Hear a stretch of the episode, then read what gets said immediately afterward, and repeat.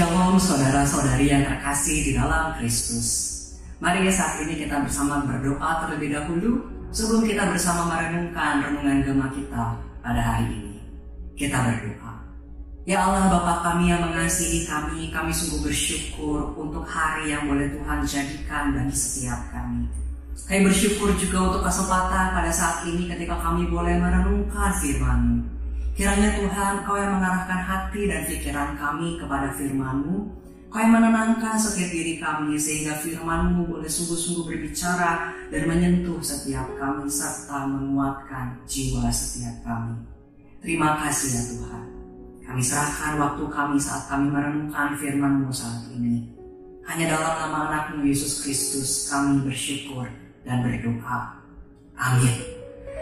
Saudara-saudari yang terkasih, renungan kita hari ini diberi tema pembenci yang sensitif dan didasarkan dari kisah perjalanan Rasul Paulus yang tercatat dalam kisah para rasul pasal 21 ayat 27 sampai pasal 22 ayat 22. Namun untuk mengawali perenungan ini, saya hanya akan membacakan pasal 21 ayat 27 sampai 28 dan ayat 37 sampai 40.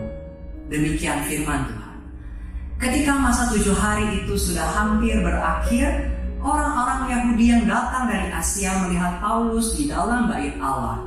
Lalu mereka menghasut rakyat dan menangkap dia sambil berteriak, Hai orang-orang Israel, tolong! Inilah orang yang di mana-mana mengajar semua orang untuk menentang bangsa kita dan menentang hukum Taurat dan tempat ini. Dan sekarang ia membawa orang-orang Yunani pula ke dalam bait Allah dan menajiskan tempat suci ini.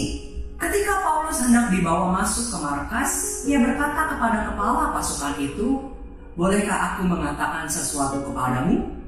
Jawabnya, Tahukah engkau bahasa Yunani? Jadi engkau bukan orang Mesir itu yang baru-baru ini menimbulkan pemberontakan dan melarikan 4.000 orang pengacau bersenjata ke padang gunung? Paulus menjawab, Aku adalah orang Yahudi dari Tarsus, warga dari kota yang terkenal di Kilikia. Aku minta supaya aku diperbolehkan berbicara kepada orang banyak itu. Sesudah Paulus diperbolehkan oleh kepala pasukan, pergilah ia berdiri di tangga dan memberi isyarat dengan tangannya kepada rakyat itu. Ketika suasana sudah tenang, mulailah ia berbicara kepada mereka dalam bahasa Ibrani. Saudara-saudari yang terkasih, haters atau pembenci menjadi istilah yang sering kita dengar di media populer saat ini. Istilah ini biasa digunakan untuk menggambarkan sekelompok orang yang membenci seseorang atau sekelompok orang lainnya. Karakteristik atau kebiasaan utama dari kelompok haters ini adalah mereka begitu sensitif pada setiap hal sekecil apa pun itu untuk menemukan kesalahan dan menjatuhkan pihak yang dibenci. Dan saudara-saudari sekalian, itulah yang Rasul Paulus jumpai dalam pembacaan kita. Di pasal sebelumnya yang telah kita renungkan kemarin, kita menemukan bahwa Rasul Paulus telah bertindak sebijak mungkin ketika mulai berkembang hoax atau berita palsu yang mengatakan bahwa Rasul Paulus mengajar orang Yahudi di perantauan untuk meninggalkan hukum Taurat, termasuk melarang sunat. Oleh karena itu, Rasul Paulus mengikuti saran jemaat Yerusalem agar menjalankan tradisi pentahiran guna mengakhiri Nazar sehingga hoax atau berita palsu itu bisa ditangkap.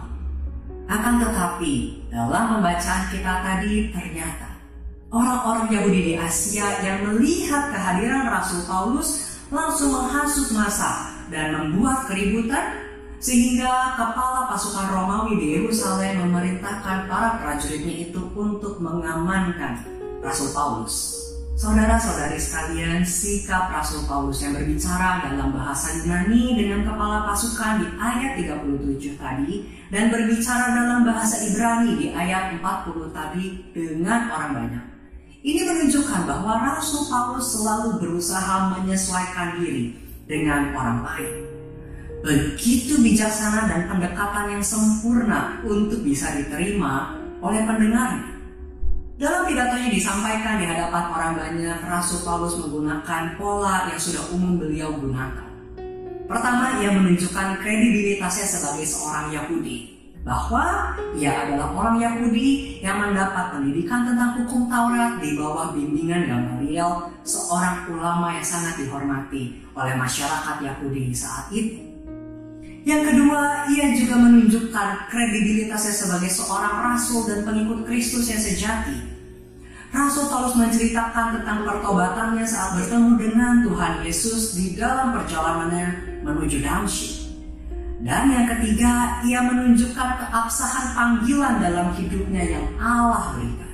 Rasul Paulus menceritakan panggilannya itu untuk melayani bangsa-bangsa lain selain bangsa Yahudi. Namun sayangnya, kesaksian panggilan ini yang akhirnya membuat kemarahan masa kembali meledak. Saudara-saudari sekalian, kita sering mendengar peribahasa karena nila setitik rusak susu sebelanga setelah berpidato panjang lebar dengan begitu sempurna hanya karena satu pernyataan yang dapat dibolak-balik maknanya maka para haters itu langsung memakai celah itu untuk mencela dan menjatuhkan Paulus. Rasul Paulus telah melakukan pembelaan diri dengan penuh bijaksana dan sempurna. Juga Paulus tidak menyembunyikan apa pun dan yang ia kabarkan adalah kabar baik kebenaran dari Allah sendiri. Namun, para pembenci yang sensitif itu akan selalu menemukan celah untuk membenci. Rasul Yohanes pernah berkata dalam 1 Yohanes 3 ayat 13. Janganlah kamu heran saudara-saudara apabila dunia membenci kamu. Saudara-saudari gereja tetap ada bukan karena tidak ada yang membenci. Tetapi karena Allah melindungi gerejanya biarlah kita dapat meyakini dalam kepungan pembenci sekalipun penyertaan dan perlindungan Allah akan selalu ada. Kita berdoa. Ya Allah Bapa yang mengasihi kami, terima kasih. Lewat firman-Mu kami boleh sekali lagi diingatkan bahwa Engkau adalah Allah yang tidak pernah meninggalkan kami. Tuhan kiranya Engkau yang terus menolong dan menguatkan kami. Jika sekiranya di antara kami di hadapan kami saat ini terus ada pembenci-pembenci kekristenan yang terus menghadang pelayanan gerejamu yang terus membuat kami semakin menyerah. Tapi biarlah kiranya Tuhan perlindungan dan penyertaan itu boleh terus menguatkan kami dan menopang kami terima kasih ya Allah hanya dalam nama anakmu Yesus Kristus kami bersyukur dan berdoa amin Selamat mengalami penyertaan dan perlindungan Allah di dalam perjalanan iman kita. Tuhan memberkati.